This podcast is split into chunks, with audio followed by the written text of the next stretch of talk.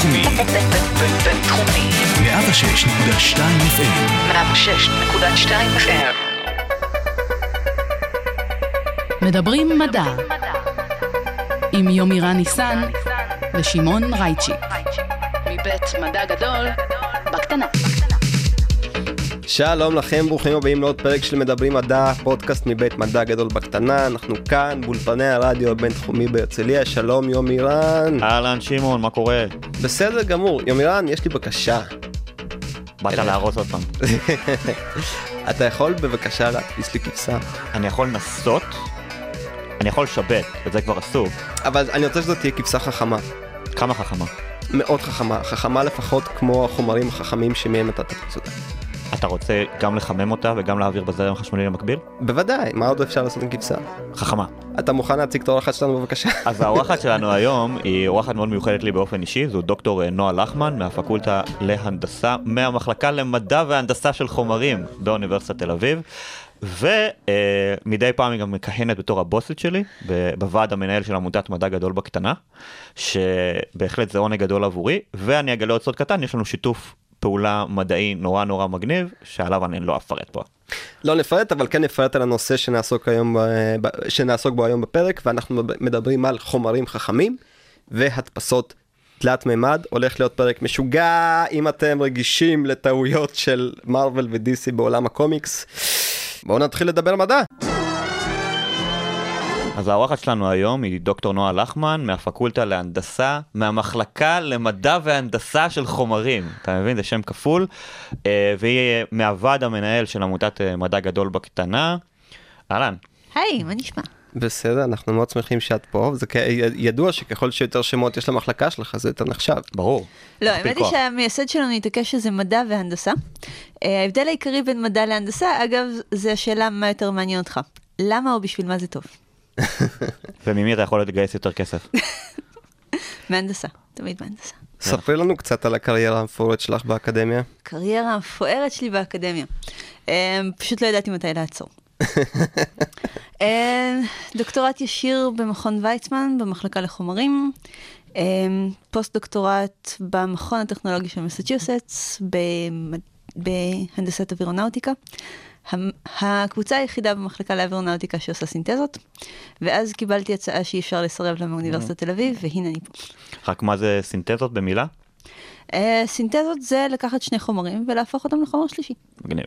ואז קיבלת הצעה שאי אפשר לסרב לה מאיתנו, והנה את פה, לדבר על כל הדברים המופלאים שעשית. תשמע, אפשר להגיד לא ליומירן, אבל אה, יש גבול לכמה.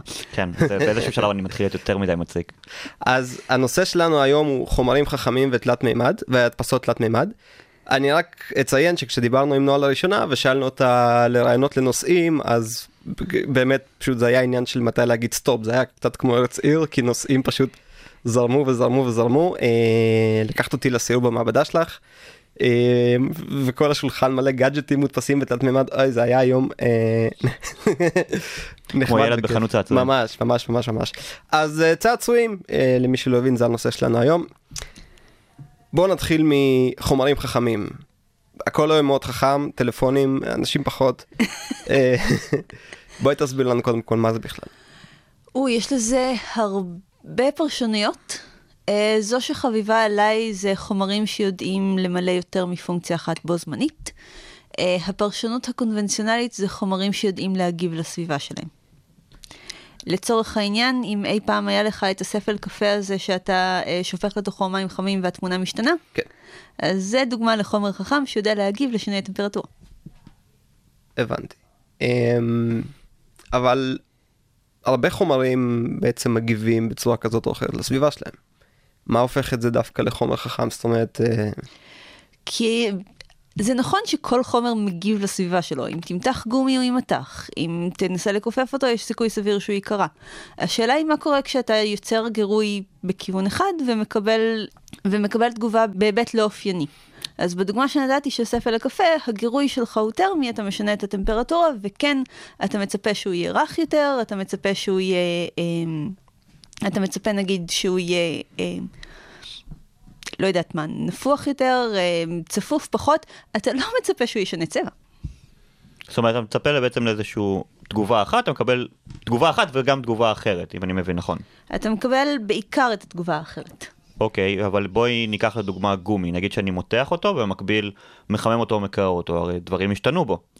אמ, אם, מי שניסה פעם לדחוף בלון לתוך חנקן נוזלי יודע שאם אתה מנסה אה, למתוח אותו כשהוא קר אתה תקבל גומי שבור, לא גומי מתוח. רק אגיד, אל תנסו את זה, במיוחד לא אם יש בו קרח יבש, זה רע מאוד. אבל מה הופך אותם ל... שוב, אני מניח שזה רק כאילו אז זהו, אז מילת ברגע קוד ש- חכמים, אבל אז זהו, אז ברגע, שח... ברגע שאתה קורא להם חומרים חכמים, אתה בעצם מוצא דרך לנצל את התגובה הלא אופיינית שלהם.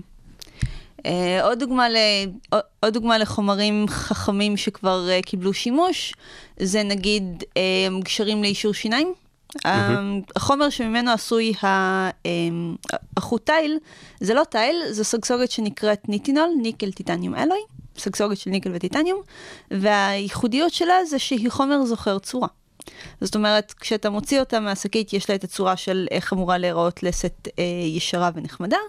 אתה מכופף אותה לצורה של השיניים של הפציינט, אה, וב, ובטמפרטורה של הגוף, הוא חוזר לאט לאט לצורה המקורית שלו, ולוקח איתו את השיניים, ואז מקבלים שיניים ישרות ויפות. זו דרך נחמדה לתאר עינוי מימי הביניים. אם היה לך גשר, אתה יודע שזה די קרוב לעינוי מימי הביניים, במיוחד, ב, נקרא לזה, ב, בבוקר שאחרי. אני יושב מולך ומחייך, אתה רואה בוודאות שלא היה לי שום גשר בשום שלב בחיים שלי. אז, אז אני כן עברתי את, ה, את הדבר הזה, וביום שאחרי אתה פשוט תופס לעצמך את הלסת ואתה, מה עשיתי? אני לא זז מפה. אז אה, כן, זה לגמרי, לגמרי עינוי אה, נחמד כזה. חומרים חדשים זאת מילה חדשה, אה, חומרים חכמים זאת מילה חדשה יחסית. איזה מחסום עברנו, או, או מה הבנו לגבי אה, כימיה או מדע החומרים ש, שפיתח בעצם תחום חדש והבנו שאפשר להוציא מהחומרים תכונות אה, לפי הדרישות שלנו, אפילו אם אנחנו לא רגילים שיש לחומרים האלה את התכונות האלה. אז זהו, שניטינול זה חומר יחסית, אה, אחד החומרים הראשונים שהם זוכרי צורה, ומה שבעיקר גילינו זה עוד דרכים חדשות ומגניבות להשתמש בהן. Uh, למשל, בעיקר אפשרות להשתמש בחומרים איפה שאתה לא יכול uh, להדביק איזושהי מערכת uh, מנועים שתעשה את העבודה בשבילך. אז אם עד עכשיו היינו צריכים לחשוב על אה, אם אנחנו רוצים להזיז איזוש, איזושהי זרוע, אז היא צריכה איזושהי מערכת שמקבלת אי אלו פקודות ומתרגמת, אה, לא יודעת מה, חשמל לפנאומטיקה, לתנועה. אז את אומרת שלא יהיה צורך ברובוטים ענקיים בעתיד? אני אומרת, שתל... אני אומרת שכתלות בגודל, יש גבול לכמה אתה יכול למזער את המנוע. אוקיי, אבל רובוטים קטלניים זה עדיין בתוכנית, נכון? תחשוב, רובוטים שיורים עליך חומר חכם. או, עכשיו אנחנו מדברים. מעולה. הדבר הזה נגיד שימושי בתעשיות שבהן אה, מנועים הם אה, דבר שקשה בעצם אה, להשתמש בו, למשל חלל. אז זהו, מנוע זה דבר כבד. וכשאתה שולח דברים לחלל, לכל גרם יש משמעות אדירה בדלק. אז אתה מנסה לחסוך, כי כל גרם של מנוע שאתה לא שם על המערכת שלך, זה עוד גרם של איזשהו מטען מועיל אחר, עוד ניסוי שאתה יכול לשלוח לחלל ולערוך. עוד, אה, עוד, גרם, עוד גרם שחסכת ואתה יכול להוסיף למערכת האחרת שהיא יותר מסובכת ובה אי אפשר לשנות כלום. ואז אתה אומר, אוקיי, אם אני יכול לשלוח את הדברים האלה ולגרום להם לזוז בלי מנוע, אז, אה, אז הרווחתי פה משהו. ואז אתה מתחיל לחשוב על אה, כל, חומר, כל החומרים שבנויים לאוריגמי, ואז אתה יכול לשלוח אותם מקופלים וחוסכי נפח, אה, והם מגיעים לחלל, והם נפתחים, ואו בקרינה של החלל, או בטמפרטורות הקרובות לאפס של החלל, החומר הזה פשוט אמור אה, להיפתח, ואז אתה מקבל את, אה, את המפרשים הסולאריים הענק- הענקיים, שנגיד טלסקופ צריך בשביל להמשיך לעבוד. אם אני זוכר את טלסקופ החלל החדש של נאסא, ווב, ג'יימס ווב, ג'יימס ווב? אה, מדברים בו שבערך, אה, שחלק עצום מהמערכת הזאת תהיה חומרים אה, חכמים, כאלה שבאמת אה, ביחס ל... כשזה יגיע לחלל, הקול- הקומפלקס המטורף הזה, הוא פשוט בגלל הטמפרטורות הנמוכות והקרינה פשוט ייפתח ו... זה אנחנו תהינו על זה מקודם ספציפית על המערכת הזאת, כי באמת מיד קופץ לראש הפרויקט השאפתני מאוד הזה, שבו רוצים לפתוח ירייה ענקית בחלל כדי להגן על הטלסקופ מהשמש. ו... אוקיי, רציתי לשאול איפה זה יישם, ו... ו... והנה לך. והנה לך. עכשיו צריך אולי גם לדבר על הכיוון ההפוך. זאת אומרת, אנחנו מדברים כרגע אפילו על חוץ פלנטרי. תחשוב שאתה צריך לדבר על בתוך גוף האדם. יש גבול כמה קטן אתה יכול, קטנה אתה יכול לעשות סוללה וכמה קטנה אתה יכול לעשות איזשהו מנוע שיפעל בתוך גוף ביולוגי. אז אם אתה יכול לייצר איזשהו גוף שתחת תנאים מסוימים, לדוגמה בחומציות של הקיבה או בבסיסיות של המעי, פתאום יתחיל לעבוד. יש כל מיני פטנטים בכיוון, וגם זה אני מכיר כיוון שהולכים אליו. כן. יומירן אוהב לדבר. ידוע. למה את אומרת להם את זה בקול רם? אוקיי. אבל כן, הרעיון, הרעיון של כל, כל מה שנכנס לתוך הגוף, למשל, לא יכול לעבוד כמו שאתה רגיל שיעבוד במקרו. אמ, אם אנחנו חושבים על אה, כל מיני ננובוטים שמסתובבים לנו בגוף ומתקנים חלקים, אמ, הם, הם פחות עובדים כמו אה, הרובוטים שאתה מכיר מהסרטים שפשוט הקטינו לגודל מזערי, ויותר עובדים כמו כל מיני מולקולות שהן, שיש להן מבנה אחר בתנאים אחרים. אבל הן עובדות באותה סביבה, כמו שמולקולות אה, מתפקדות, כלומר הן נאחזות בדברים. ו... הדוגמה האחרונה שנתתי בדוגמה הזאת הייתה איך מדוזה מזריקה ארס. איך מדוזה מזריקה ארס? עם חומר חכם? עם, אה, עם חלבון. האמת היא שכל המער, כל הרובוטים הביולוגיים הם, בדר, הם בדרך כלל איזשהו סוג של חלבון, מקופל באופן מוזר, אה, משחרר אה, כל מיני דברים מוזרים, אבל אני לא ביולוגית, עדיף שלא נדבר על זה. המדוזות הקדימו אותנו שוב. אז כן, מדודות הן די עתיקות, יש להן תאי הזרקה שנקראים נמטוציטים, הם כמו מחטים שפשוט נכנסות לתוך ה... איזה מזל ו- שיש ביולוג בשלוף. תמיד, תמיד אה, שיש את הביולוגים האלה בכל מקום. אה, כן, מדודות, אבל זה יצור מטורף. זה מדהים, אפשר להיות בלי מוח. אוקיי, אבל אה, בואי בואי תעיפי את הדמיון לגמרי. מה הכי רחוק שמנסים ללכת עם החומרים החכמים? אה, להעיף דמיון לגמרי, אז אני חושבת שהשאלה היא איפה נעצר הדמיון. זאת אומרת, כן, אנחנו יכולים לחשוב על רובוטים שמסתובבים לנו בגוף, אנחנו מסוגלים לחשוב על אה, שריונות סטייל איירון מן, אה, אנחנו יכולים לחשוב על אה, חומרים בחלל שמתפקדים בפני עצמם. אני חושבת שהשאלה האמיתית היא, תגידו מה אתם רוצים לעשות, אנחנו כבר נמצא את הדרך לעשות את זה. מה נמצא בפיתוח עכשיו שלדעתך זה אה, משהו ששווה לעקוב אחריו אה, וייקח חלק בחיים שלנו בקרוב? סטנטים אנטי-בקטריאליים. אוקיי. אני צריך כזה? אה, דבר איתי עוד 20 שנה. מה לגבי המגן של קפטן אמריקה? מה לגבי המגן של קפטן אמריקה? לא, זה ויברניום, זה לא חומר חכם. ויברניום אמור להיות חומר מאוד חכם. אמור להיות חומר חכם. אה, באמת? כן. חומר שיודע לספוג אנרגיה ואז לשחרר אותה מתי שאתה רוצה. יש כזה? זה הקטע של נראה לי של המגן, לא? זה הקטע, זה הקטע של ויברניום באופן כללי. מחוץ לקולנוע DC? אה, קולנוע מרוויל? וואי וואי וואי וואי, וואי, מה עשית פה עכשיו? עדר, עדר המעריצים של מדע גדול בקטנה מסתער עליך. מרוויל! ויברניום זה של מר. כן. ל-DC יש שם- ל-DC יש המצאות אחרות. העניין הובהר ויובהר שוב בתגובות. קפטן אמריקה זה מרוויל ללא ספק. אה, לא, באמת, יש אה, חומר שמקיים את התכונה הזאת במציאות?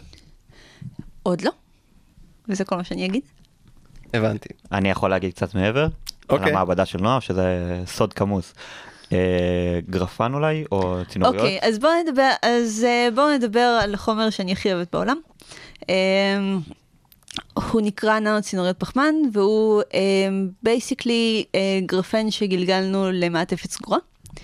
אה, גרפן, אה, למי שעוד לא שמע איך שני רוסים ודאקטייפ קיבלו נובל, אה, זה שכ... אה, שכבות בודדות, עד חמש או עד עשר שכבות של גרפית, כשאנחנו מדברים שכבות, הכוונה היא בע- בעובי מולקולה אחת. בעובי מולקולה אחת.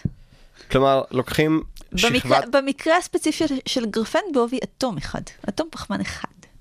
כלומר, אנחנו לוקחים אה, גרפית, נכון, שזה החומר שמוכר לנו מ... מהעיפרון. מהעיפרון שלנו, ואותם זוג רוסים אה, בגדול, כן, זה, זה באמת סיפור מעניין. לקחו אה, סלוטייפ, ו...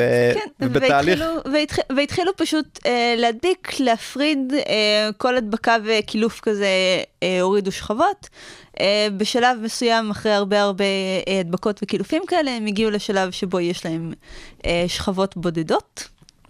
בודדות זה אומר פחות מעשר, אני מדגישה שוב, כי יש המון עבודות על אה, ג- גרפן שהוא 20 שכבות ו-50 שכבות, ולא חברים, זה מתנהג כמו גרפית, זה גרפית. צריך להגיע לפחות מעשר. אז, אה, ואז הם הגיעו לפחות מעשר, ראו שיש להם באמת פחות מעשר שכבות, ראו שיש לחומר הזה מבנה של גרפית, אה, ואז התחילו לגלות עליו כל מיני דברים מגניבים, כמו העובדה שהוא מוליך חשמל אה, בצורה כמעט של על מוליך. רק אה, בשביל לסבר את האוזן, מה זה על מוליך? אז על מוליך, אה, התנגדו, זה... וואי, אם אחותי הייתה פה היא הייתה הורגת אותי, אבל אני, אבל, אבל אני, אני אפשט את זה להתנגדות, להתנגדות אפס, אה, ואז היא תהרוג אותי כשהיא תגיע לכאן. אני יודעת שזה לא נכון. אוקיי, אז הוא מוליך חשמל נורא טוב, הוא אמור להיות נורא נורא חזק. אה, נורא נורא חזק זה ביחס לגודל שלו, כן? זה כן. לא שאפשר להעמיד פיל על שכבה בודדת. אה, פיל קטן אולי. פיל ננומטרי. כן. כן. כשתצליח למצוא לי אחד.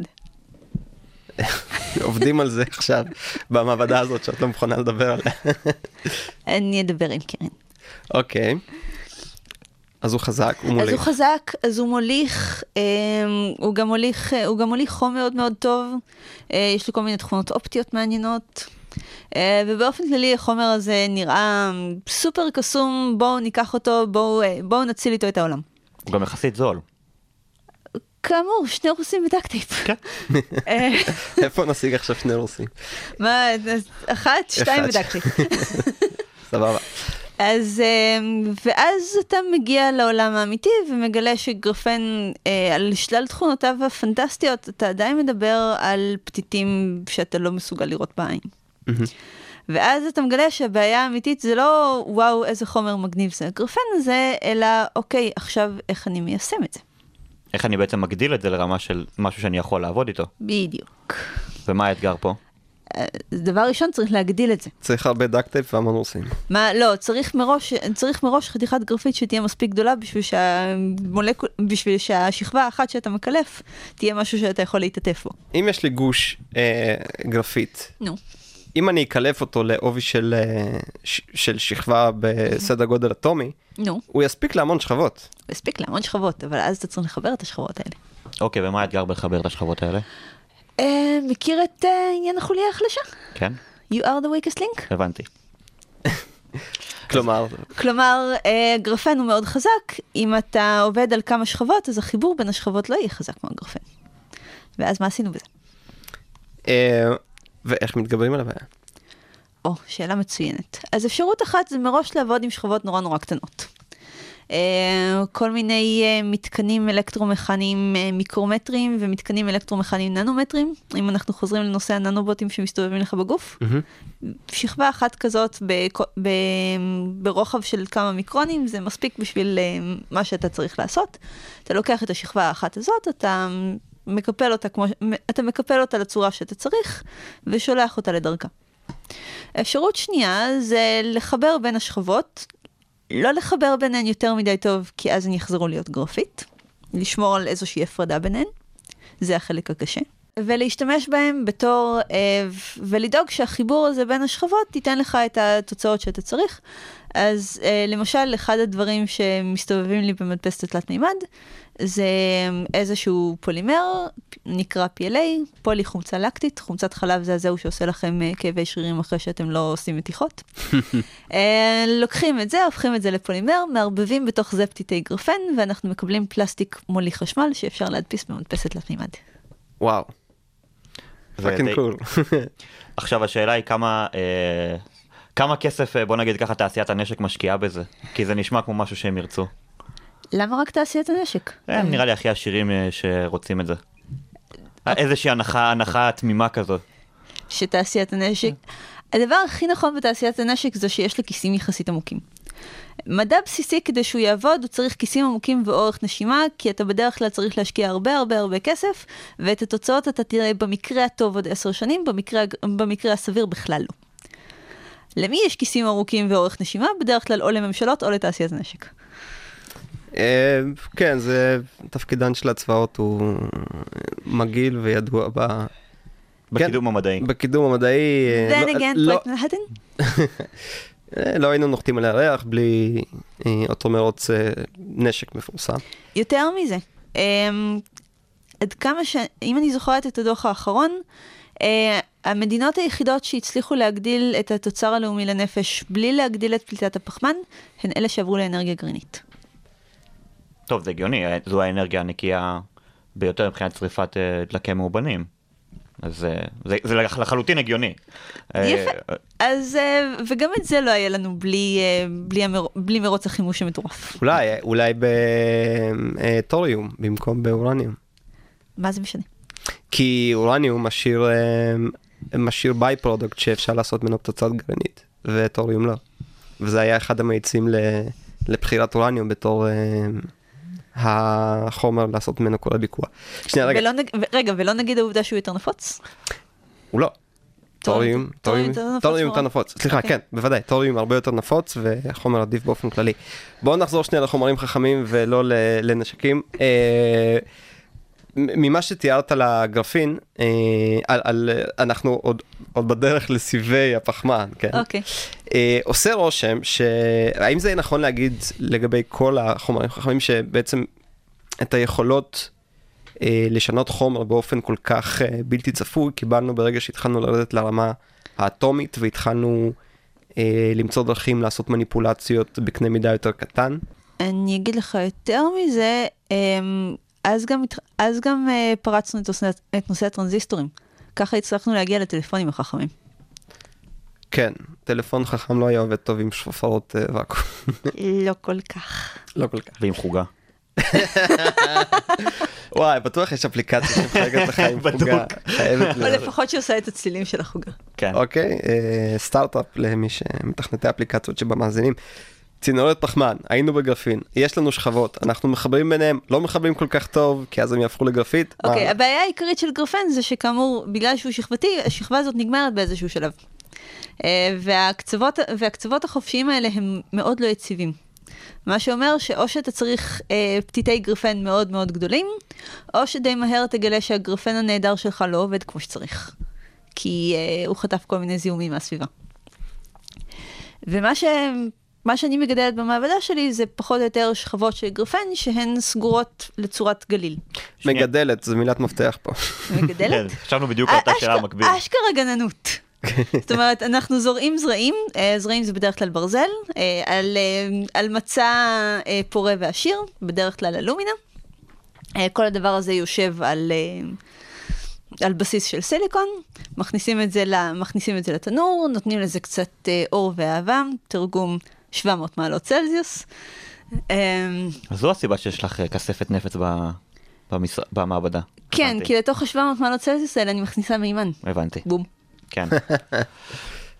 אה. אוקיי, יום רגיל במשרד, יום רגיל במעבדה. כן. אגב, הכספת נפץ הזאת לא תעזור לך אם תהיה דליפת מימן. אנחנו כרגע משתדלים שלא תהיה. אה, סומך על מנהל המעבדה שלך. אה, אוקיי, ו... יופי, אני מאוד רגוע כי ביקרתי שם והכל, ולא, אף אחד לא מת. תשמע, כבר הייתי במקומות אה, בטוחים פחות ויצאתי משם בחיים. מדליק.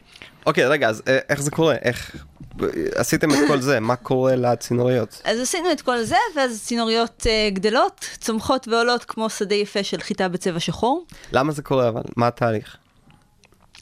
אה, בגדול, זה נכ... אה, אנחנו משחררים פנימה מימן ופחמן.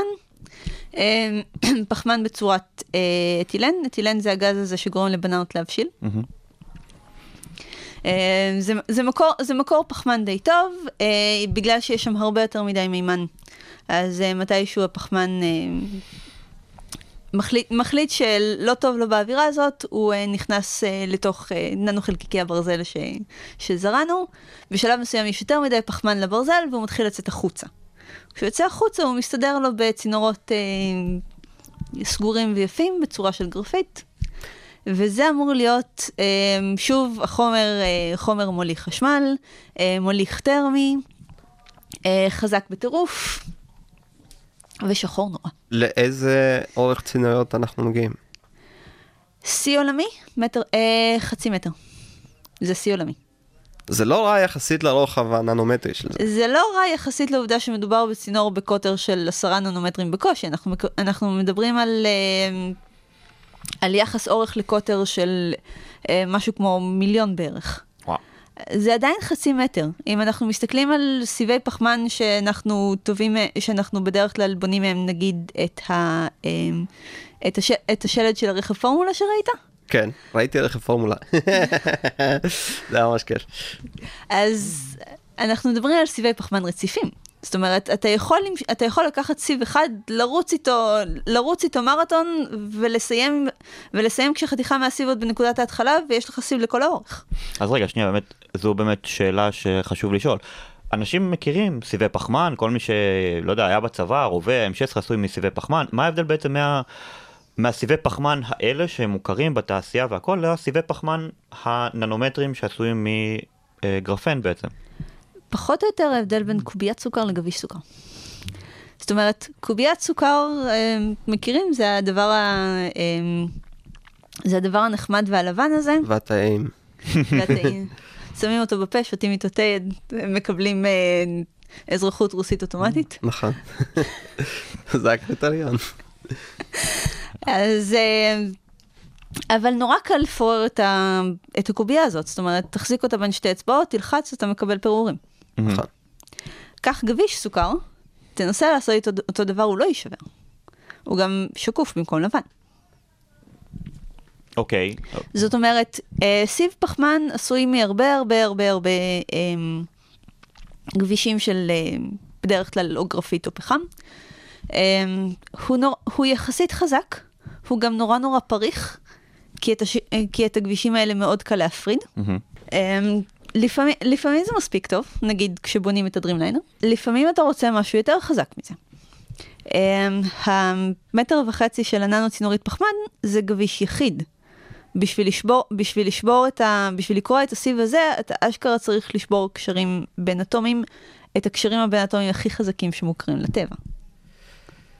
אוקיי, אז אני מדברים- מבין איך הגביש שומר על כוח אה, לאורכו. זאת אומרת, אם זה היה חבל קטן, היה לי קשה לקרוא אותו כשאני היה לך- מושך. בדיוק. אבל, אה, אה, יותר, יותר מזה, בגלל שזה גביש יחיד ואתה מקבל למעשה רציפות קשרים לכל אורך הגביש, זה גם אומר שאלקטרון בצד אחד, בגלל התכונות המיוחדות של אה, גרפית, יכול למצוא לו פרטנרים, יכול לקפוץ מאטום לאטום כל הדרך עד הצד השני של, ה, אה, של החבל. ומשם המוליכות הגבוהה. ומשם המוליכות הגבוהה, סיבי פחמן גם מוליכים, אבל הרבה יותר קשה לאלקטרונים לעבור בגבולות בין הגבישים. כי המבנה הרבה פחות מסודר. זאת אומרת, בדיוק. כל מה שאנחנו מחפשים פה זה מבנה מסודר שייתן אה, בדיוק. את מבנה כל התכונות האלה. עכשיו רגע, השאלה שלי הייתה, אה, אוקיי, אז, אז לאורך הם מחוברים כי הם פשוט אה, אותה מולקולה בסופו של דבר. בדיוק. אבל אה, מה קורה לצד? זאת אומרת, סיב אחד לא יספיק לי, אלא אם כן אני רוצה לחתוך למישהו את הראש כמו בסרט אה, ג'וני ממוניק. היה למישהו אה, להב, אה, להב פחמן. תיל חד מולקולרי. תיל חד מולקולרי. נכון. פרנק הרברט חשב על זה לפניך. הרבה אנשים, אה, כן, כאילו, כן, אז א', נראה אותך מחזיק תיל חד מולקולרי שאתה לא יכול לראות. זה לא אה, הנקודה, השאלה שלי בדיוק, השאלה שלי, השאלה היא מה אתה עושה עם זה הלאה. כן. ואז אנחנו שוב חוזרים לנושא של אה, או אתה משתמש בזה אחד כי, הדג... כי הדגמים שלך קטנים מספיק בשביל שאחד מולקולרי יספיק, או אתה אוסף כמה כאלה ו... ומייצר מהם סיב, אה, ומייצר... ומייצר מהם סיב באותו אופן שאתה אה, מייצר צמר וכותנה ו... וגם סיבי פחמן. אתה הורג אותם בעצם? אפשר לנסות להרוג אותם. זה נשמע אה, כמו אפוד המגן היקר, אבל מצד שני היעיל בעולם. זאת אומרת, אם אני יכול להרוג אותם בצורה כזאת שקליעים לא יעברו דרכם, רגע, אם זה צמר גפן אז הכוונה שזה פשוט מישמש של כן. צינוריות קטנות והם כולם... בדיוק, מישמש של צינוריות קטנות, אה, אחוזות בדרך כלל באיזה- ב- בכוחות חיכוך. אה, אתה תובע אותם לחוט אחד, ואז אתה הורג אותם להריג. הבנתי. זאת אומרת, את בעצם מדברת על סוודר מגרפן. סוודר מפחמן, כן. מפחמן. סוודר פחמן. נחמד? למה רגע, למה לא עושים את זה אז? כן. כי זה פשוט משיגים? המחיר? העניין שלו. מה? לא, זה קשור לעניין ש... אתה זוכר שאמרנו שסיבי פחמן הם יחסית פריחים? נכון. כמה זמן יחזיק הסוודר הזה אם אתה הולך אה, ללכת בו ולזוז בו ולהניף את הידיים שלך לכל מיני כיוונים? לא יודע. אני הולך די רגוע בסך הכל. סתם זה לא נכון אני מניף את הידיים שלי לכל הכיוונים כשאני הולך. אז זהו, זה כמו, זה כמו הסיפור על... אה, רגע מה הכוונה פריך באיזה באיזה זאת אומרת מה יהרוס את זה מה יקרה הסיבים יקרעו? אה, יישברו, אה בגלל הכיפוף בגלל הכיפוף. בגלל הכיפוף. אז עושה רושם שכדי... זה כמו הסיפור על האיש בחליפה הלבנה. יש סר... היה סרט כזה. אה, החליפה הלבנה הייתה אמורה להיות עשויה מקבלר, קבלר אגב הוא צהוב, לא לבן. אה, ו... וכשפיתחו את הקבלר אז גם היה הסיב האולטימטיבי, הוא חזק נורא, הוא קל נורא, הוא נפלא. הוא צהוב בגלל שהוא אה, קולט קרינה אולטרה סגולה, והקרינה האולטרה סגולה הזאת שוברת אותו. הסיפור, הסרט על האיש בחליפה הלבנה, אני לא יודעת אם סרטים של 20 שנה נחשבים ספוילר, אבל מה שקרה זה שבסוף כשהוא יצא לשמש, כל החליפה שלו התפוררה. למישהו זה ספוילר, מישהו יכתוב על זה בתגובות. אסון. אז עושה רושם שהשימוש הזה ש... ש... שתיארת של החבל הוא, הוא חצי שימושי, זאת אומרת, זה מה- כנראה, זה כנראה יהיה יותר חזק מסיבי פחמן סטנדרטיים, זה כנראה יוליך חשמל יותר טוב מהם, אנחנו עדיין עובדים על זה, זה עדיין בפיתוח. מה, מה, מה כן אפשר להגיד? זאת אומרת, יש שימוש קונקרטי שסיבי, אה, שצינוריות פחמן כרגע נבדקות בו או משמשות בו כבר בתפקידן? אז אחד הדברים הנחמדים כשאתה לוקח אה, סיבים של אה, עשרה ננומטר ומגדל אותם למילימטר וחצי, שזה אני יכולה לעשות פחות או יותר שלוש פעמים ביום במעבדה, זה שאתה, זה שאתה מסיים עם חתיכה קטנה ושחורה של משהו כמו סנטימטר על סנטימטר, עם המון המון שטח בתוך הקובייה הקטנה הזאת. מדברת על שטח פנים. שטח פנים אוקיי. בדיוק. כי גם בעצם הבפנים שלו בדיוק. חשוף. בדיוק. רק, אה. אה, רק בשביל להסביר אולי למאזינים שלא בדיוק יודעים מה זה שטח פנים, אז אם תחשבו רגע על ה... על דבר עם השטח פנים הכי גדול אה, בערך בגוף שלנו, שזה המעי, אז האורך של מערכת העיכול מפתח לפתח הוא בערך 9 מטרים, ואם אתם לוקחים את המעי שלנו עם כל הכיפופים והקיפולים והתהליכים שיש בו, ופותחים את המעי שלנו, בערך השטח פנים שלו מגיע לגודל של כמעט מגרש כדורגל. זאת אומרת, לקחתם משהו שדחוס על בערך 7 מטר, פרסתם אותו, זה עצום. זו הכוונה. זה, זה, אני, אני חושב על זה יותר כמו, כאילו לקחנו הרבה קשים נו. וקשרנו אותם ביחד, אבל השטח אבל, כל, לא. כל, ה- כל הפנים של הקש, בעצם אם אנחנו, לא יודע, נטבול את זה במים, כן, הכל כל ירטב. הבפנים, כל הבחוץ, כן. או נגיד, זו, זו פחות או יותר הסיבה למה בד כותנה רטוב הוא נורא נורא, הוא נורא נורא כבד. ולמה זה טוב לנו התכונה וזה- הזאת? וזה טוב לנו להמון תכונות שמתבססות על שטח פנים. למשל, אה, אם אנחנו מחפשים חיישנים, אה, נגיד חיישנים ביולוגיים, אנחנו יכולים, אנחנו יכולים לייצר אה, נוגדנים ספציפיים למה ש, שזה לא יהיה שאנחנו רוצים לבדוק. ואז אנחנו יכולים אה, להצמיד את הנוגדנים האלה לננו צינוריות פחמן. יש לנו המון המון ננו צינוריות פחמן, יהיו שם המון המון נוגדנים אה, על השטח המאוד מאוד קטן הזה, ולכן אה, כל תגובה, ולכן הם יוכלו לזהות גם כמויות יחסית קטנות של החומר, פשוט כי יש אה, המון חיישנים שרגיש, שרגישים לחומר הזה, ואחד מהם בטוח יזהה. חיישנים ביולוגיים זאת מולקולה, נכון? זה, זה, זה ברמות של... זה ברמות של מולקולה, כן. וואו. אנחנו חוזרים לעניין המולקולות. תמיד חשוב לחזור למולקולות, פעם ביום. חיישנים ביולוגיים יכולים להיות הרבה דברים, לא... ב- לרוב זה מולקולות, אבל... לא, אני, אין לי מושג, אני רק רציתי להבין באיזה לא. סדר גודל. זה הסדר גודל. מגניב ממש. אה, דוגמה אחרת זה נגיד אה, בטריות. רצית את המגן של קפטן אמריקה? תמיד. הנה, הנה לך המגן של קפטן אמריקה. ברור. אני חובב DC אה, ידוע. אה, אם מישהו יתעצבן לנו בפעם הראשונה, כן. זה כמו שפיקארד אמר בסטאר וורס. וואו. אתה כאילו הולך לעצבן את כל כאילו הגיקים היום. כן. ת- תגיד משהו על שר הטבעות כאילו, ובכלל... אז עד שר הטבעות. אוקיי. אז אה, אנחנו חוזרים לנושא האנרגיות. אה, מכיר קבל? קבל, כן, אני אלקטרונאי בעוונותיי. קבל זה בעיקרון אה, איזשהו אה, זה גם מתקן, דמות במורטל קומבט. מתקן חשמלי שהתפקיד שלו זה לאגור אנרגיה. בצורה הכי פשוטה אנחנו מדברים על שני לוחות מוליכים עם איזשהו נתק ביניהם. כן. ואז יכולת הקיבול, או כמה מטענים הלוחות האלה יכולים, לקרוא, יכולים לאגור, נמצא ביחס אה, ישר למה השטח של כל אחד מהלוחות האלה.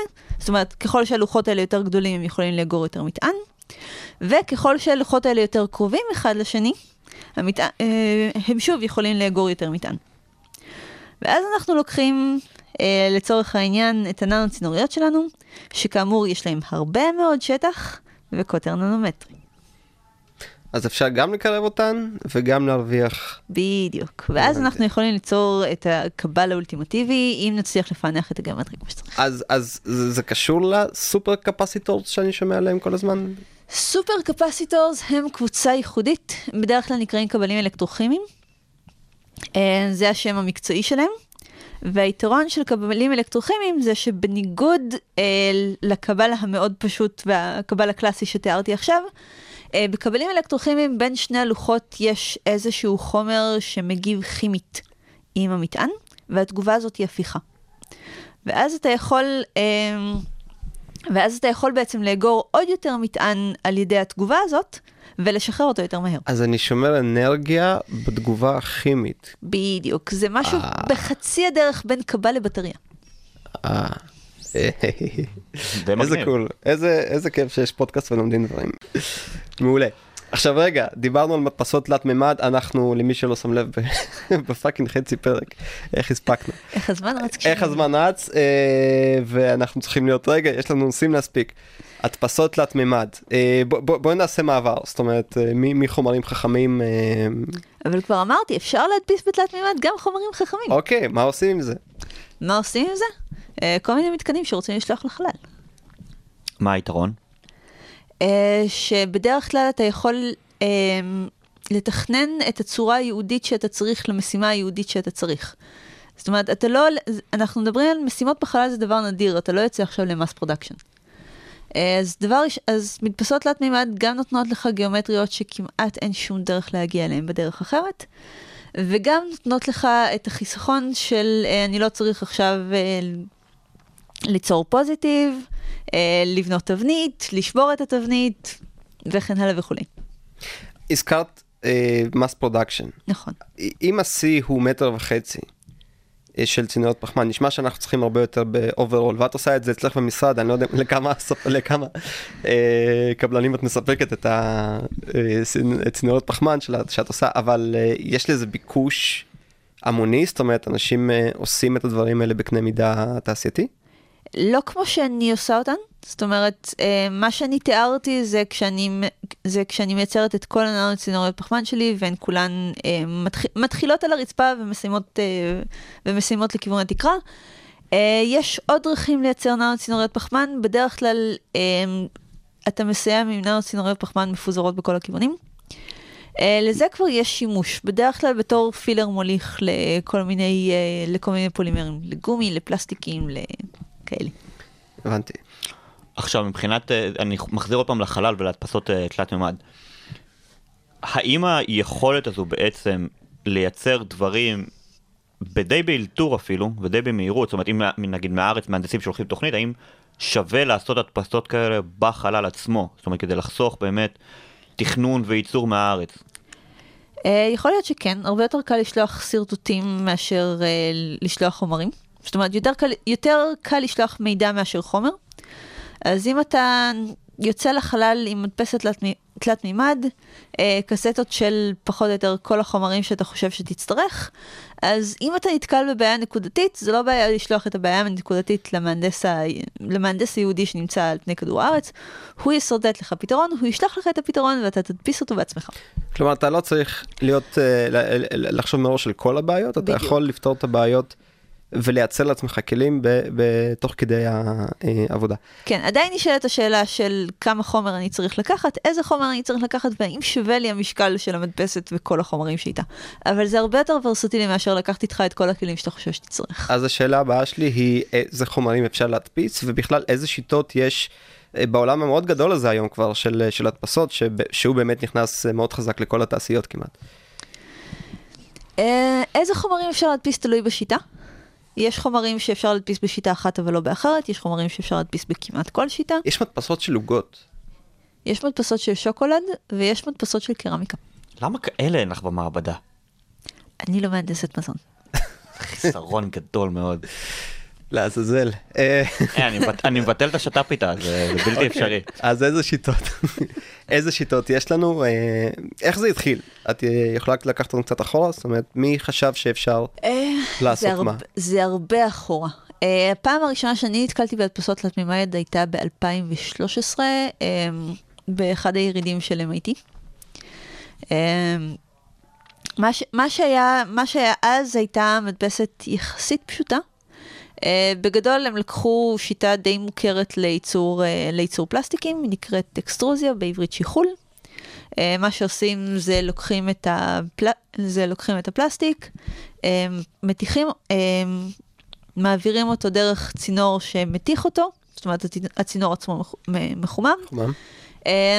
הזרימה והחום מאפשרים לחומר הזה להתערבל, והוא יוצא בתור צינורית, בתור צינורית דקה ויחסית אחידה. מה שעשו, מה שעשו המהנדסים ב-MIT זה לקחת את ה... um, זה לקחת את המכונת שיחול הזאת, uh, לעשות אותה מאוד קטנה, אנחנו עכשיו לא רוצים להתיך את כל, את כל הפולימר ששמנו, אנחנו מתיכים רק את הנקודה האחת הספציפית שאנחנו מסתכלים עליה עכשיו, ואז מאוד קל למרוח uh, שכבות דקות דקות. אה, והפלסטיק מגיע בדרך כלל כסליל של חוט, בדיוק. ואז אפשר פשוט להתיך אותו דרך איזשהו ראש קטן שבאמת מזכיר ראש של אה, מדפסת. אז השיטה הזאת היא פשוט ראש מדפסת שזז בדיוק. מלמטה ראש... למעלה. לא, ראש מדפסת שזז מימין לשמאל, אמ, הבמה שעליה הוא מדפיס בדרך כלל היא זו שזזה למטה או למעלה. כן, אה, לזה הייתה. אבל אם י- אנחנו, אם אנחנו מאוד יצירתיים, אנחנו יכולים להגיע לחמישה צירים, ואז הראש הזה יכול גם להסתובב. אוקיי, אה, ואז אנחנו... וזו השיטה היחסית אה, הכי ותיקה, הכי פשוטה והכי זולה. היא נקראת Fuse Deposition Modeling, ובקיצור FDM. אלה שתי המדפסות שיש לי במעבדה. הבנתי, מה הדבר הכי מגניב שהדפסת? הכי מגניב שהדפסתי? אני יכול להגיד במקומה, כי כאילו, כי פשוט היא לא מביאה לי אחד כשאני. באתי אליה היא אמרה לי האם הדפסתי אוזן. אז אה, אני ביקשתי את דרקון, את האוזן כבר ראית? עדיין לא, שזה, אני שומע על זה לראשונה היום וזה די אה, לא הגיוני, אבל אה, היא מדפיסה דרקונים, ואנחנו כרגע רוצים להדפיס גם עטלף, ואני רוצה עטלף ודרקון. לא אנחנו מדברים על דברים מפלסטיק, אבל תכף אנחנו נגיע זהו, ל... לא, אתה- לא, אתה מדבר על צעצועים מפלסטיק, זה לא נקרא. אבל. רגע, באמת מדפיסים דברים יותר מורכבים. כי יש לה מדפסת שמדפיסה מפחמן, לא רק מפלסטיק. מה אז מדפיסים? שוב, לא, זה פלסטיק, זה, זה פלסטיק שבתוכו יש, אתה זוכר שדיברתי על הפלסטיק כן. והגרפן? אז היא יודעת להדפיס דבר כזה, האמת היא שזה הדבר הכי מגניב שהדפסתי, כי הדפסתי אה, במדפסת אחת סליל מוליך בתוך, מד... בתוך מעטפת מבודדת, כשכל העניין הזה עשוי מפלסטיק. אה, והעניין הזה עשוי מפלסטיק זה חשוב, כי אנחנו רוצים לשלוח את הדבר הזה לחלל, ואז אנחנו רוצים שלא יהיה לו משקל, ולכן אנחנו לא מדפיסים אותו ממתכת. מטורף. נכון? אבל אה, איך מדפיסים אה, מתכת? זאת אומרת, אה, יש שיטות לעשות את זה. יש די הרבה, יש, השיטה העיקרית לעשות את זה בדרך כלל מבוססת על אה, אבקה, זאת אומרת אה, כדורים מיקרוסקופיים, איזושהי קרן לייזר מאוד חזקה שמסוגלת להתיך את הכדורים המיקרוסקופיים האלה, ואז, אה, ואז אנחנו שוב עוברים באותו תהליך של אנחנו לוקחים משהו שאפשר אה, להפוך לנוזל, אה, ו- ושהוא יחזור למוצק יחסית מהר. אז שוב, בגלל שאנחנו עובדים נקודה נקודה, אז החומר הופך לנוזל יחסית מהר, אה, למוצק פחות או יותר ברגע שהלייזר עובד, אה, עוזב אותו, ואז אנחנו יכולים, אה, ואז אנחנו יכולים שוב עם הלייזר לצייר צורות, שכבה אחרי שכבה. כלומר, ממש מתכת. מתיכים, מתיכים את פיסות המתכת מתיכים את פיסות המתכת. בדיוק במקומות שצריך, וזה יוצר... אה, זה נראה לי יותר. התכה של aerosol, זאת אומרת שיש איזשהו תרסיס מתכת כזה, הקרן לייזר פוגעת בזה, מתיכה את זה, ובפגיעה זה כבר מתמצק. aerosol זו שיטה אחת, inkjet זו שיטה אוקיי, אחרת, זה יש שתי עוד כל. יש, יש, יש גם שיטה שלישית שבה אתה מתחיל מאיזושהי, אה, מאיזשהו מצע של אבקה, ואז אתה אה, מתיך בלייזר רק את האזורים שאתה רוצה ומסלק את כל השאר. מה היתרון של זה בעצם על, אה, על חריטה? זאת אומרת, מה, מה היתרון של דבר כזה על שיטות היותר ותיקות שגם לוק, כאילו לוקחות פחות זמן? אה, זה ההבדל בין אה, ייצור מוסיף לייצור גורע. חריטה זה ייצור גורע.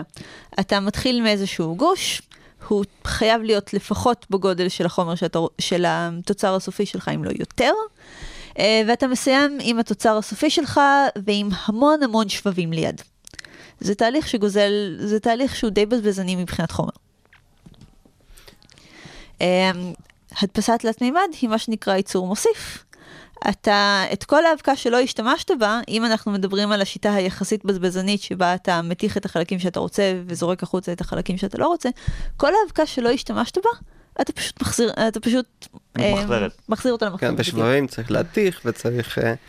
וגם היתרון הוא שאפשר להדפיס מכמה חומרים ולעשות גיאומטרית צורות שאחרת אי אפשר להכניס חלק אחד לתוך השני. אז, היתרון השני של הדפסת תלת מימד זה שיש גיאומטריות שאי אפשר להגיע אליהן בחריטה. ושכן אפשר להגיע אליהן בהדפסת תלת מימד. היתרון השלישי זה, היתרון השלישי זה, זה העובדה שאתה יכול לשנות את הרכב החומרים תוך כדי. ואז אתה, ואז אתה מקבל אה, יציקה אחת, שיש בה כאילו אחידה, אה, שיש בה- בדיוק. מעבר של חומרים. שיש בה מעבר. של חומרים מאלף ובית. כלומר שיש בעצם שכוב אה, במה שבנית, אפילו לא שכוב, זה יכול להיות ממש איזשהו, אה, איזשהו שינוי מאוד הדרגתי. כלומר לוקחים את שני החומרים ופשוט מוסיפים כמויות יותר הולכות וגדלות הולכות מהשני. וגדלות מהשני, בדיוק. אתה מתחיל מהחומר הראשון, תוך כדי הדפסה מוסיף אה, חתיכות הולכות, אה, ריכוזים הולכים וגדולים אז מהשני. אנחנו מדברים פה על עוגת גזר למטה ועוגת שזיפים on top. שבאמצע יש לך עוגת אה, שזיפים גזר משולבת. Jesus, אוקיי, אנחנו פתרנו את בעלות- בעיות העולם ברגע זה. מה עם הדפסה ביולוגית? אה, גם את זה אפשר לעשות. אוקיי. הדפיסו לב. הדפיסו- לב. בואו נדבר על זה. בואו נדבר על הדפיסו לב. אוקיי, אחד הקולגות הסופר מוכשרים שלי, אה, פרופסור טל דביר, הוא אגב בהשתייכות משנית למחלקה למדע והנדסה של חומרים.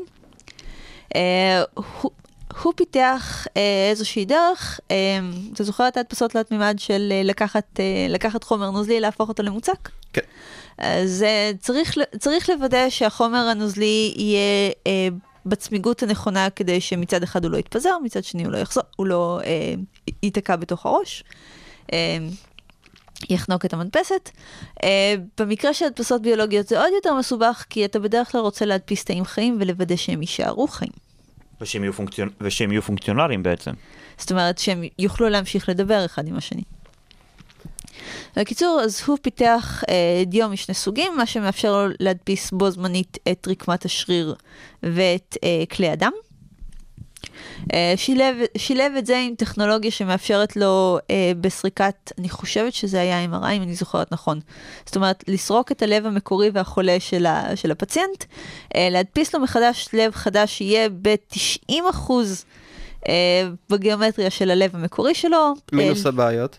מה מינוס הבעיות? כן. אה, שינויים קלים, תפתח את הכלי הזה, תסגור את הכלי הזה. רגע, אבל בנו לב, ו- וזהו, הוא עובד, הוא בסדר, מה שלמה? הלב, הלב בסדר. הוא היה קטן, נכון? אנחנו מדברים על, אנחנו עדיין עושים את הניסויים האלה בל- בלבבות של עכברים. כן, אוקיי. אוקיי, אז קודם כל אנחנו עושים את הניסויים האלה בלבבות. השלב הבא זה להכניס את זה לתוך העכברים. אז יש עכשיו יותר לבבות מאשר יצורים חיים?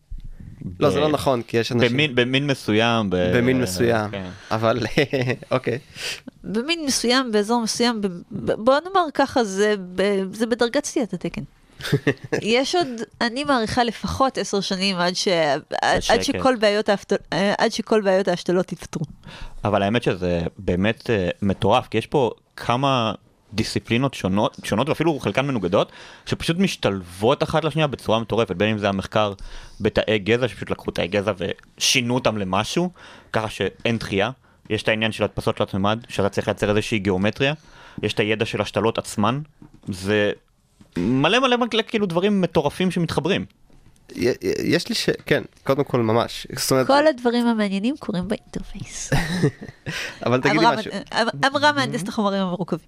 אמ, שאלה שלי היא- על רזולוציה, זאת אוקיי. אומרת אה, מדפסות אה, דיו הכי טובות שאני מכיר זה את יודעת 1200 DPI וכשהדפסתי תלת אה, זאת אומרת מה- מהמעט שיצא לי להתעסק מן הסתם זה מדפסות די ביתיות ויומיומיות אבל אפשר לראות את ה... אי שלמות בעין זאת אומרת בדרך כלל התהליך הוא יחסית גס לפחות במדפסות עם הראש הזז. השאלה היא לאיזו רזולוציה אפשר להגיע אם אנחנו רוצים להדפיס תאים וכל תא הוא עולם ומלואו של אה, פעילות. אז אתה לא מדפיס תא אחד בודד, אתה לא מייצר בוא. אותו מאפס, אתה בדרך כלל מדפיס איזשהו... אבל עדיין צריך להגיע לדיוק הזה. יש איזושהי טולרנטיות גם, אה, גם בגוף האדם, כי עובדה שאתה יכול להשתיל לב של בן אדם אחד בגוף של בן אדם שיכול להיות פי שתיים ממנו בגיל. כן, אבל יש, מאפ... יש פקטורים ביולוגיים מסוימים ש... שנלקחים ונבדקים ויש הרבה ניסיון עם זה בגלל כמות הבעיות שהיו. בדיוק. אז אנחנו יודעים, אז אנחנו יודעים מה גבולות הטולרנס. וכשאנחנו חוזרים לרזולוציה של הדפסות תלת מימד, אז התשובה שלי אליך זה כמה אתה מוכן להשקיע. אנחנו מדברים על רמות מיקרוסקופיות. זאת אומרת, לא ממש... אנחנו אה, מדברים על... אנחנו מדברים... אה, תשמע, המדפסת המפגרת אצלי במעבדה, והמדפסת שאצלי במעבדה היא באמת מפגרת, כי מה שאני חוקרת זה את החומרים שאני מדפיסה, לא את המדפסת עצמה. אה, מסוגלת להגיע לרזולוציה של משהו כמו 80 מיקרון. נייס. רק נגיד שמיקרון אחד זה 1 חלקי 10 במינוס 6, 1 חלקי מיליון המטר. זה ממש פיצי. בוא נגיד ש-100 מיקרון זה עובי שערה. כן. הבנתי. אז את יכולה להדפיס שערות. אני יכולה להדפיס שערות אם אתה רוצה. אוקיי, לזה יהיה קל. אני. לא יכולה להשתיל אותן דו. בסדר, לא, שואלים אם יש לך שיער, לא שואלים מאיפה בדיוק. רואים שיער. לא, אז לרוב האנשים אה, יש שערות ולא משנה איפה. אוקיי, אז אה, יש לנו את זה, ו-. אבל אלה מדפס... אז איזה רזולוציה המדפסות היותר מתקדמות יכולות להגיע כבר? אז יש מדפסות שעובדות על רזולוציה של מיקרונים בודדים. יש מדפסות שעובדות על רזולוציה של מאות ננומטרים, אוקיי. שזה סדר גודל אחד מתחת למיקרונים בודדים. מהמם. י- ל- ליותר מזה עוד לא הגענו. מצד שני, אני מתקשה לחשוב על סיטואציה שבה יצטרכו את זה. בינתיים, את מה שנקרא המדע שעדיין לא חשבו עליו. בינתיים, כן. לאן זה הולך? זאת אומרת, אם לפני כמה שנים אנשים ישבו ואמרו, היה מגניב, אם, אם יכולנו לחשוב על משהו, לתכנן אותו בקאד ולהדפיס. והיום אנחנו יכולים. אנחנו חושבים על משהו, מתכננים אותו בקאד ומדפיסים. נכון. אז מה הלאה? מה הקפיצה הבאה שצפויה ל... אה, זאת אומרת, יש כל כך הרבה דינמיות בתהליך הזה. זה, זה, זה נותן כזה חופש, כמו שדיברנו מקודם, על אה, להביא חומרים איתך ולתכנן על הדרך. אה, בטוח יש... יש חומרים שעוד קשה להדפיס, נגיד כל הדפסת המתכות שבנויה על זה שאתה מקרין לייזר כדי שזה יתחמם ויתיך. אמ, מתכות עם, אמ, עם אינדקס רפלקסיה גבוה, כלומר כאלה שמחזירות את רוב האור שמוקרן עליהן, הרבה יותר קשה להדפיס. Hmm. אז נגיד, כסף זה קשה, אלומיניום זה לא טריוויאלי. אז לא נדפיס כסף. טוב. אתה יכול להדפיס כסף, זה לא חוקי. מבחינת אה, הדפסה של אה, חומרים, אה, נקרא לזה, אה, שהם יסודות, שהם ממש עושים בלאגן, זה כל תעשיית הדפסת היהלומים או יהלומים סינתטיים. שאתה יכול לגדל יהלום שלא תוכל, גם עין מקצועית לא תבחין בינו לבין יהלום טבעי, אבל לא יודע, מבחינת הבעיה בשוק, נקרא לזה, אין להם גישה. אגב, עין מקצועית, מפ... אה, עין מקצועית יודעת להפריד בין יהלום מסונטז לטבעי, בטבעי יש יותר פגמים. אה, אוקיי. סבבה, כן. כן. לא, זה, זה באמת שאלה מעניינת, למה אנחנו, כאילו אנחנו מעריכים יהלום פשוט כי, כי קל, אה, כי קשה מאוד אה, להביא אחד אה, טבעי. מהטבע. לא, זאת. תעש... לא, זאת תעשיית התכשיטים. חוץ מזה, לתעשיית האלקטרוניקה יש הרבה צורך ביהלומים, ולהם לא אכפת שהם סינתטיים. נכון, אז אה, וככל שיותר נקי יותר טוב. כן. אה, לא תמיד, אבל אתה רוצה להיות מסוגל לשלוט בפ- בפגמים. אבל- למשל, המכשיר, אה, המכשיר הקטן שלי שעושה בדיקות, בדיקות אה, חשמליות בסקאלה ננומטרית, אה, זה שיודע, זה, זה שיודע להוליך חשמל בתוך, אה, ננו צינור, בתוך הננו צינוריות שאני מגדלת, אה, הוא עובד על, אה, הוא עובד על אצבע שהיא מיהלום אה, מאוד לא נקי. אה, והסיבה לזה שהוא לא נקי זה שאנחנו רוצים שהוא יהיה מסוגל להוליך חשמל.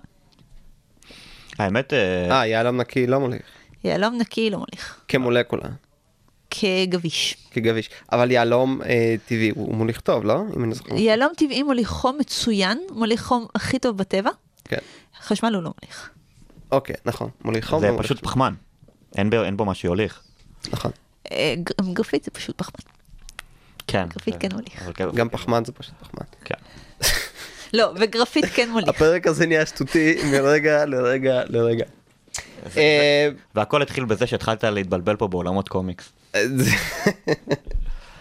זה נכון. מה שמדליק בכל הנושא הזה הוא שהוא באמת הוא מציץ את הדמיון, זאת אומרת, האפשרויות נראות אה, בלתי מוגבלות. אמר מייסד המחלקה שלי, אה, הנדסת חומרים זה מה שנקרא טכנולוגיה מאפשרת. זאת אומרת, מה שאנחנו עושים בדרך כלל לא פותר את הבעיות שיש עכשיו, אבל מישהו מתישהו יסתכל על החומר הזה ויגיד, אה, יש לי רעיון מעולה מה לעשות איתו. אני רק חושב על זה שאם אנחנו מדברים על אה, מסע גם לפלנטות אחרות, אתה הרי יכול לשגר מהארץ אפילו את החומרים שאתה רוצה להדפיס, ובכמויות אדירות, רק אה, מבחינה רקטית, ואז כשהאנשים יגיעו, נגיד אפילו ביחד עם המדפסות, הם יוכלו להשתמש באותם אה, חומרים כדי להדפיס מה שהם רוצים בצורה מקומית, ואז אתה לא צריך לסחוב במעבורת האנושית מלא מלא מלא ציוד שצריך להתיישבות. אה, שזה כמובן אפשרות. אה, וכאן אנחנו נכנסים לחיסרון העיקרי של מדפסות, שזה אה, זה לא יעיל ל mass production. זה לוקח יחסית די הרבה זמן. אה, זה בדרך כלל... זה, זה, בעיקר, זה בעיקר לוקח הרבה זמן ומוגבל מבחינת החומרים שאתה, שאתה יכול לאפיין, אה, לאבד בטכנולוגיה הספציפית הזאת. אה, זה קצת קשה, להד... אה, קצת קשה לאבד פלסטיק בלייזרים חזקים בלי לשרוף אותם. אה, כמעט בלתי אפשרי להדפיס מתכות ב-FDM, כי קשה להביא ראש הדפסה לטמפרטורות של כמה אלפי מעלות. טוב, אז עושה רושם שבשני התחומים שדיברנו עליהם יש עוד הרבה עבודה. תמיד יש עוד הרבה עבודה. אז אה, אנחנו נשחרר אותך, כי נראה לי שאת צריכה ללכת ולעשות את העבודה הזאת, כי לא מירן ולא אני לא מוסמכים אה, לשום דבר. וואו, הזמן עף כרגיל. אה, נועה, אה, תודה על פרק אה, גם מצחיק וגם אה, ממש מטורף. יודע אומרת, שעתיים אה, מאוד כיפיות. שעתיים. לך זה נראה כמו יותר זמן ממה שזה באמת. אתה יודע על שעה מאוד כיפית? שעה, שעה, שעה. כמעט שעה. אה, יומירן, תודה רבה לך. תודה שמעון, תודה רבה לדוקטור נועה לחמן שהגיע אלינו. ותודה כמובן למרכז הבינתחומי ולרדיו הבינתחומי, אה, שממנו אנחנו משדרים את הפודקאסט הזה. מדברים מדע, אנחנו נתראה בפרק הבא. ביי, להתראות. להתראות. מדברים מדע עם יומירן ניסן ושמעון רייצ'י מבית מדע גדול בקטנה.